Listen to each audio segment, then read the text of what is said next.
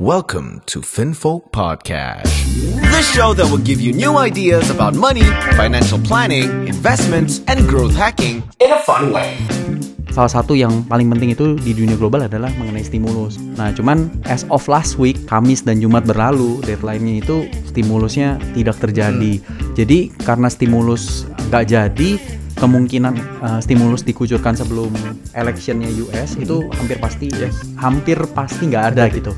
Nah, um, jadi kalau itu memang nggak ada, kapan dong stimulus US-nya keluar gitu? Nah, Hello, welcome back to our Stockpot series by Finvlog Podcast. Perkenalkan, gua Calvin. Di sini gua akan bersama dengan Ko Vincent. Halo, Ko. halo. What's up? Jadi seminggu ini kita udah uh, bikin Stockpot series yang pertama tuh kemarin, Ko ya. Betul, betul. Minggu ini kita bikin lagi Stockpot series yang kedua nih, Ko. Iya. Karena kemarin kebetulan kita itu udah oke banget nih karena dari demand dari penonton pun pengen lagi dong bikin Oh, gitu lagi ya? Stockpot series lagi karena mereka semua tuh juga pengen belajar mengenai Oke. eh, dunia mar- eh, market eh, saham, either itu ekonomi juga, terus global eh, makroekonomi dan sebagainya gitu. Iya, iya. Dan kebetulan kemarin ko, ko Vincent penjelasan sangat bagus banget nih. Mereka jadi kayak pengen eh, analisa lagi dong, analisa lagi dong gitu. Nah, akhirnya Oke, oke. kita bikin lagi nih kok Stockpot series yang Boleh, boleh, boleh. episode kedua gitu. So, gimana kok kabarnya seminggu ini nih? Seminggu ini ba- bagus sih, ya puji Tuhan ya masih banyak diberikan berkat, Yes. ya baik dari market ataupun em, dari bisnis-bisnis Usaha, lainnya yang betul. yang kita jalankan. Benar. Jadi thanks God banget, puji Tuhan ya mas semua masih berjalan sangat lancar. Betul. Ya market juga is doing very good. Yes, setuju. Em, jadi ya thankfully lah Thankfully. untuk semuanya itu. gitu. Oke. Oke, sebelum kita masuk ke tema hari ini, gue cuma pengen eh, invite teman-teman Focus juga. Jadi di sini tuh kita semua pembicaraan di sini kita disclaimer on ya, kok ya. Jadi benar-benar dari sini tuh opini dari kita, terus dari berdasarkan analisa kita juga, gitu. Betul. Jadi bukan bukan berarti oh apa yang kita omong ini pasti 100% benar, enggak juga. Benar. Karena kita juga analisa sendiri, kita eh, lampirin juga data juga, kita juga ngomong eh, sesuai dengan eh, analisa kita dan opini kita gitu. Jadi bukan untuk mengajak teman-teman, oh ini nih bagus nih, ini ini jelek nih, nggak seperti Betul, itu. betul. Kita bukan menggiring opini, tapi lebih ke teman-teman eh, belajar juga eh, mengen- eh, mengerti de- dengan adanya eh, dunia finance seperti ini, kayak Ya. gitu. So oke, pertama-tama eh, di stock post series yang kedua ini, gua mau bahas ini sih kok. Jadi kan seminggu kemarin kan kita udah bahas tuh tentang kenaikannya Breeze, ya kan? Terus Betul. kita ngomongin Tekim juga, terus kita ngomongin juga ada beberapa kali kita ngomongin Antam. Iya. ya. Nah, Iya. sekarang gue pengen tahu dong sekarang itu minggu seminggu ini tuh keadaan global tuh seperti apa sih? Karena kan di global ini penting nih. Karena Iya, kita iya. tahu bulan depan nih electionnya US gitu kan. Hmm. Belum lagi nanti ada ngomong kita ngomong stimulus-stimulus lah dari Benar. eh, US gitu seperti apa. Nah, Iya. gue pengen tahu dong gimana gimana seminggu ini tuh eh, pasti kan ada perubahan banyak nih di seminggu ini. Benar, benar, Nah, benar. dan gimana caranya nanti kita impact ke depannya untuk para para fokers juga di sini eh, biar mereka tahu eh, global tuh sekarang sedang ngapain. Iya, Gitu. iya. Jadi eh, sebenarnya seminggu kemarin ya banyak sih perubahan yang terjadi. mm. Ya mungkin teman-teman eh, Finfok juga pernah dengar, aku pernah cerita minggu lalu. Iya. Saya pernah cerita bahwa eh, salah satu yang paling penting itu di dunia global adalah mengenai stimulus. Betul. Nah, cuman as of last week eh, Kamis dan Jumat berlalu, deadline-nya itu stimulusnya tidak terjadi. Jadi karena stimulus nggak jadi, kemungkinan eh, stimulus dikucurkan sebelum electionnya US itu hampir pasti, Yes. hampir pasti nggak ada Terjadi. gitu. Nah, em, jadi kalau itu memang nggak ada, Hmm. kapan dong stimulus US-nya keluar gitu? Nah, pertama-tama ya mungkin harus menunggu eh, presidential US election dulu. Iya. US presidential election yang tanggal terjadi tanggal 3 atau Tiga. 5 November. Ya betul. Nah, kemudian setelah itu kan eh, tentu ada pembentukan ya baik eh, kayak DPR-nya DPR, dulu di betul. Amerika, terus eh, eh, diisi house-nya gimana gimana. Kemudian barulah eh, stimulus itu eh, dirancang, dan Dirancang. disepakati bersama gitu. Nah, cuman memang sih eh, dari seminggu kemarin kan eh, US juga ada debat-debat tuh Betul, antara Donald Trump dengan Joe Biden. Biden. Nah, di di debat itu em, market sih eh, sepertinya mengekspek eh, Joe Biden yang menang. mm-mm. Eh, maksudnya eh, Dia yang menang election ya. Iya, karena eh, dengan Joe Biden itu menang, eh, perkembangan terakhir bicara bahwa eh, stimulusnya itu akan lebih besar Yes. gitu. Nah, cuman kenyataannya nanti di market seperti apa kita nggak tahu. Kita nggak tahu, Ya kan betul. masih ada waktu sampai November, November, awal itu minggu- iya. um, apa pun can anything Betul, can happen gitu anything kan. can happen, setuju. Mi- Misalnya ada suatu skandal tiba-tiba terkuak ya, atau apa. betul. Kita nggak tahu juga. Betul, Tapi betul. uh, untuk sementara uh, yang ngunggul uh, yang di polling market uh, ekspe- ekspektasinya adalah Joe Biden. Joe Biden. Yes. Jadi kalau misalnya Donald Trump yang naik bukan berarti jelek juga bisa karena selama ini uh, US market itu strong ya karena Ya, Donald Trump, juga, gitu. Betul, setuju, setuju. Ya gitu sih. Um, kemudian juga satu perkembangan yang terbaru adalah di Amerika kemarin hmm, ada satu vaksin yang dikeluarkan oleh uh, company namanya Remdesivir. Oke. Itu udah udah mendapatkan FDA approve. Dia proof. Oke. Jadi kalau sudah FDA approve apakah udah aman nggak? Nah itu uh, kembali lagi kan WHO-nya belum approve. Betul. Tapi kalau udah sampai WHO approve berarti kan ya hampir semua negara akan memesan itu betul, gitu. betul, betul. Nah itu perlombaan global uh, global race to find the cure kan. The cure, Nah ya. kalau FDA sudah approve apakah benar-benar aman untuk misalnya masyarakat Amerika sendiri memakai? Nah itu kita nggak tahu karena em, ada suatu indikasi ya FDA approve dari obat-obat itu memang eh, dipercepat gitu. Ya. Mestinya mereka tesnya lebih banyak ya pokoknya Di approximately Iya, right aja betul, gitu. Betul, betul. Nah jadi eh, apakah benar-benar efektif vaksinnya atau enggak? Mm-mm. Ya kita nggak tahu. Tapi kalau benar itu efektif berarti kan tinggal mass produce kan. Betul. Nah tinggal masalah harga gitu. Masalah harga, Berapa yes. harga yang yang US government akan bayar kepada company obat ini? Mm-mm. Eh, kalau nggak salah remdesivir tuh yang buatnya Gilead, Gilead. Gilead. Nah, jadi berapa yang bayar? Apakah si Gilead ini akan produce ini uh, for charity atau Oke. for pro, uh, For profit. commercial gitu Ya, kan? ya. Nah, apakah profitable buat human race atau Yes. enggak gitu? Apakah cuma ya charity? Kalau misalnya Hmm. dia uh, make uh, charity berarti dia akan jual di harga kos saja. Tapi Betul. kalau enggak ya berarti dia akan coba cari profit. Teman ya semua negara kan pengen coba cari vaksinnya Betul, sendiri betul. gitu. Ya Rusia punya, ini ini bilang juga udah punya, Punya, ya macam-macam. Tapi yang udah FDA approved di Amerika baru satu. Baru dia doang. Ya, Oh, jadi gitu yes. sih. Nah, di Indonesia sendiri kan udah pesan vaksin tuh untuk Betul. November. November. Nah, pada kenyataannya nanti kita nggak tahu nih vaksinnya datang on time nggak. Ya. Terus masyarakat Indonesia eh, berani pakai atau enggak. Betul. Nah, jadi ya kita lihat lagi deh nanti Yes. eh, ke depannya gimana Yes, gitu. setuju setuju. Berarti sebenarnya kalau kita ngomongin stimulus, ngomongin election, ngomongin soal vaksin ini, berarti belum tentu terjadi secara cepat lah ya. Maksudnya untuk perubahan uh, mass changingnya tuh nggak mungkin cepat gitu. Iya. Mungkin maybe di awal 2021 ya bisa jadi bisa bilang seperti itu nggak sih kok? Eh, Dan- bis- bisa dibilang begitu karena Mm-mm.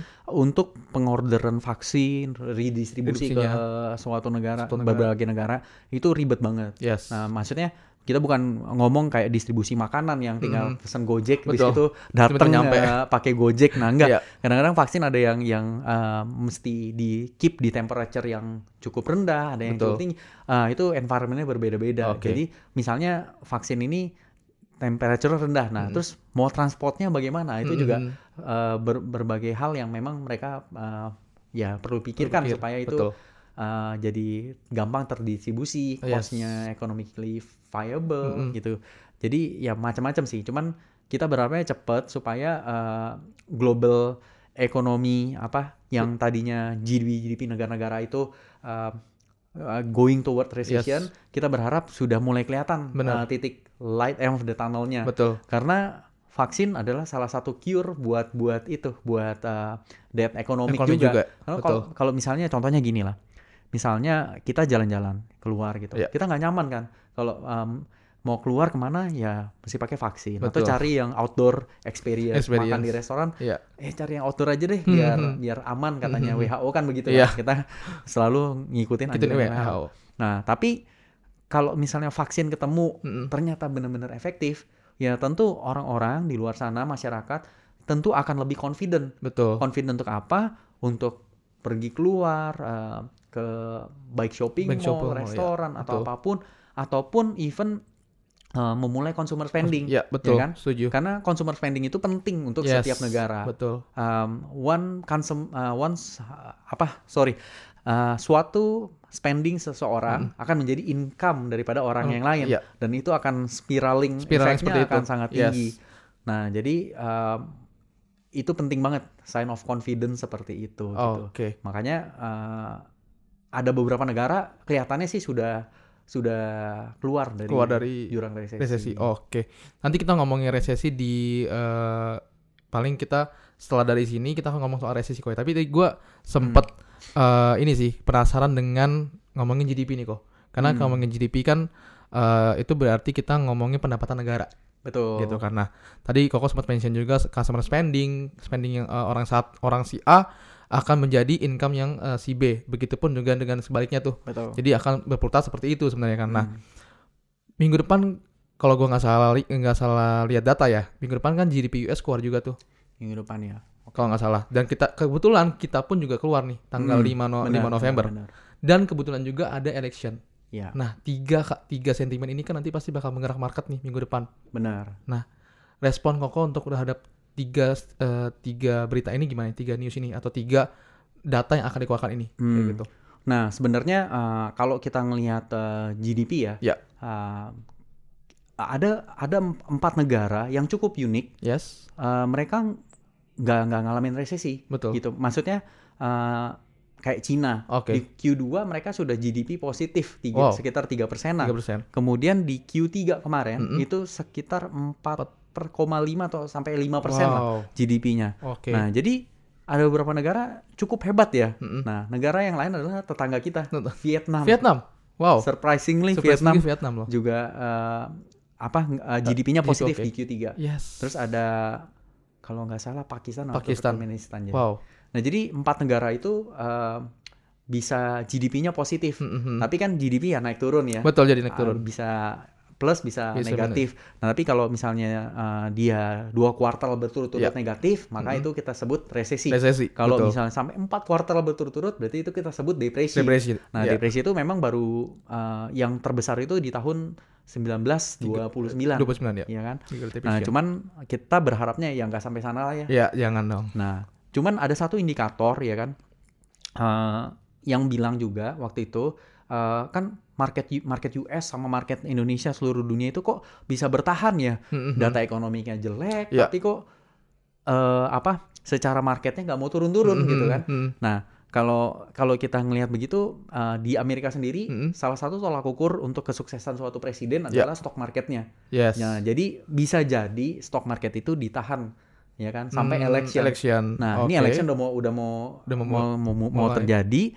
Nah, tapi satu minggu kemarin ada Mhm. suatu fenomena terutama minggu ini sih. minggu ini ya Minggu ini ada satu fenomena di mana eh, Dow Jones sudah mulai minusnya cukup besar lagi Wow. dua hari loh oke berturut-turut. oke Nah, jadi thanks God, puji Mhm. Tuhan, market Indonesia libur Lagi tiga hari kan? betul Karena betul. ada libur eh, isla- eh, libur ini tiga hari. tiga kan? hari ya. Nah, kita kalau diliburin begini berarti kalau misalnya US market eh, merah, Mhm. Eropa market merah, Chi- eh, Asian market Asian juga merah. merah, ya berarti kita cukup inilah cukup beruntung, Beruntung, gitu. betul, Karena betul. artinya eh, bisa jadi nanti pas marketnya buka ya seminggu kemudian apakah lanjut merah terus atau eh, merahnya sudah teredam gitu kan? Hmm, ya kita nggak tahu yang mana yang yang akan terjadi ya kan? Cuman em, ada beberapa 10% orang di dunia yang mengatakan bahwa dia berharap resesi terjadi seperti lah 1987 oke kalau oke. saya pribadi ya berharapnya eh, nggak usah sampai betul segitu parah lah. betul cuman betul. eh,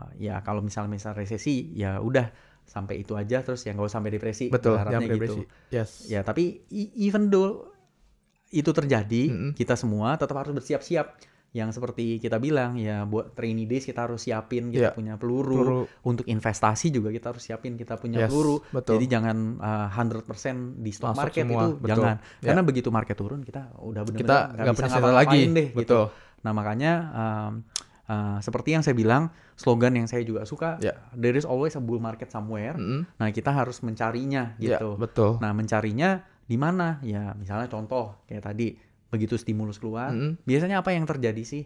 Nah, stimulus keluar segitu besar, ya kan?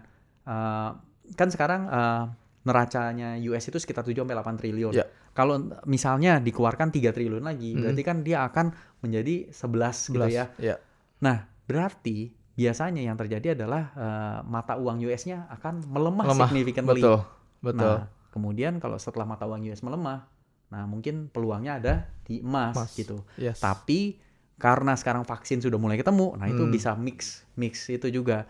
apakah benar vaksinnya efektif atau enggak. gitu. Yes. Ber- Intinya sih uh, kita harus be prepared for every situation. Mau Yes. market turun, mau market naik, ya kita harus, Harus- be prepared gitu. Betul, betul, betul. Makanya uh, very important is money allocation Mm-mm. um, dan uh, Psychologic gitu. Jadi misalnya market turun, kita nggak nggak usah takut Yes, gitu. betul. Kita siap Setuju. hadapin ya. um, market turun berarti ada beberapa company yang turun Mm-mm, menarik kan, jadinya atraktif untuk kita beli. Betul kita beli. Tapi kalau misalnya misalnya tiba-tiba kayak kemarin hari Senin, Mm. Selasa, market uh, diprediksi turun kan Mm, karena Dow Jones-nya turun besar. Tapi market Indonesia resilient, Yes. tahan banting gitu Betul. loh. Saya juga setuju, setuju, kaget. setuju. Nah, di saat itu kebetulan makanya saya bilang puji Tuhan um, uh, kita ini berhasil uh, take profit, Take profit. saham-saham Setuju, lah gitu. setuju, Nah, setuju. jadinya uh, ya puji Tuhan banget Mhm, gitu. mhm. Memang itu yang saya tuju-tuju adalah memperbesar uh, cash portfolio saya sebelum US election. Yes, election. gitu. Yes, oke. Oke, thank you uh, Ko Vincent untuk uh, session yang ini. Jadi nanti uh, ini kan kita ngomongin soal uh, globalnya dulu. Nanti Ya. next session di part 2 ini teman-teman uh, stay tune dulu. Kita akan bahas mengenai salah satu the biggest IPO in this year. Jadi kalau teman-teman tahu kan tahun lalu kan Aramco ya. Uh, Benar. Saudi Aramco dan di tahun ini ada satu lagi nih perusahaan yang akan mau IPO di awal November dan akan menjadi nomor uh, bisa jadi terbesar juga di uh, era IPO nih. Ya. Mau tahu apa? Nanti di next part ya teman-teman. See you.